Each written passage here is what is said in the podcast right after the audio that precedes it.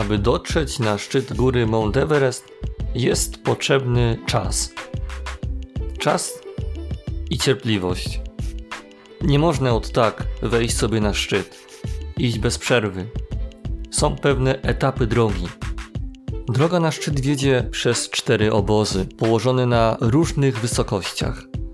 Ostatnim obozem jest obóz czwarty, który jest ostatnim etapem na drodze do zdobycia szczytu i leży na wysokości 8000 metrów. Życie wiary też ma swoje etapy. Aby w niej wzrastać, człowiek musi przejść pewną drogę, pewne etapy. Od wieków wielu świętych, mistrzów duchowych zauważyło, że te etapy można podzielić na trzy stany. Mówi się o tak zwanych trzech drogach. Pierwszą drogą jest droga początkujących, tych, którzy dopiero zaczynają swoją przygodę z wiarą.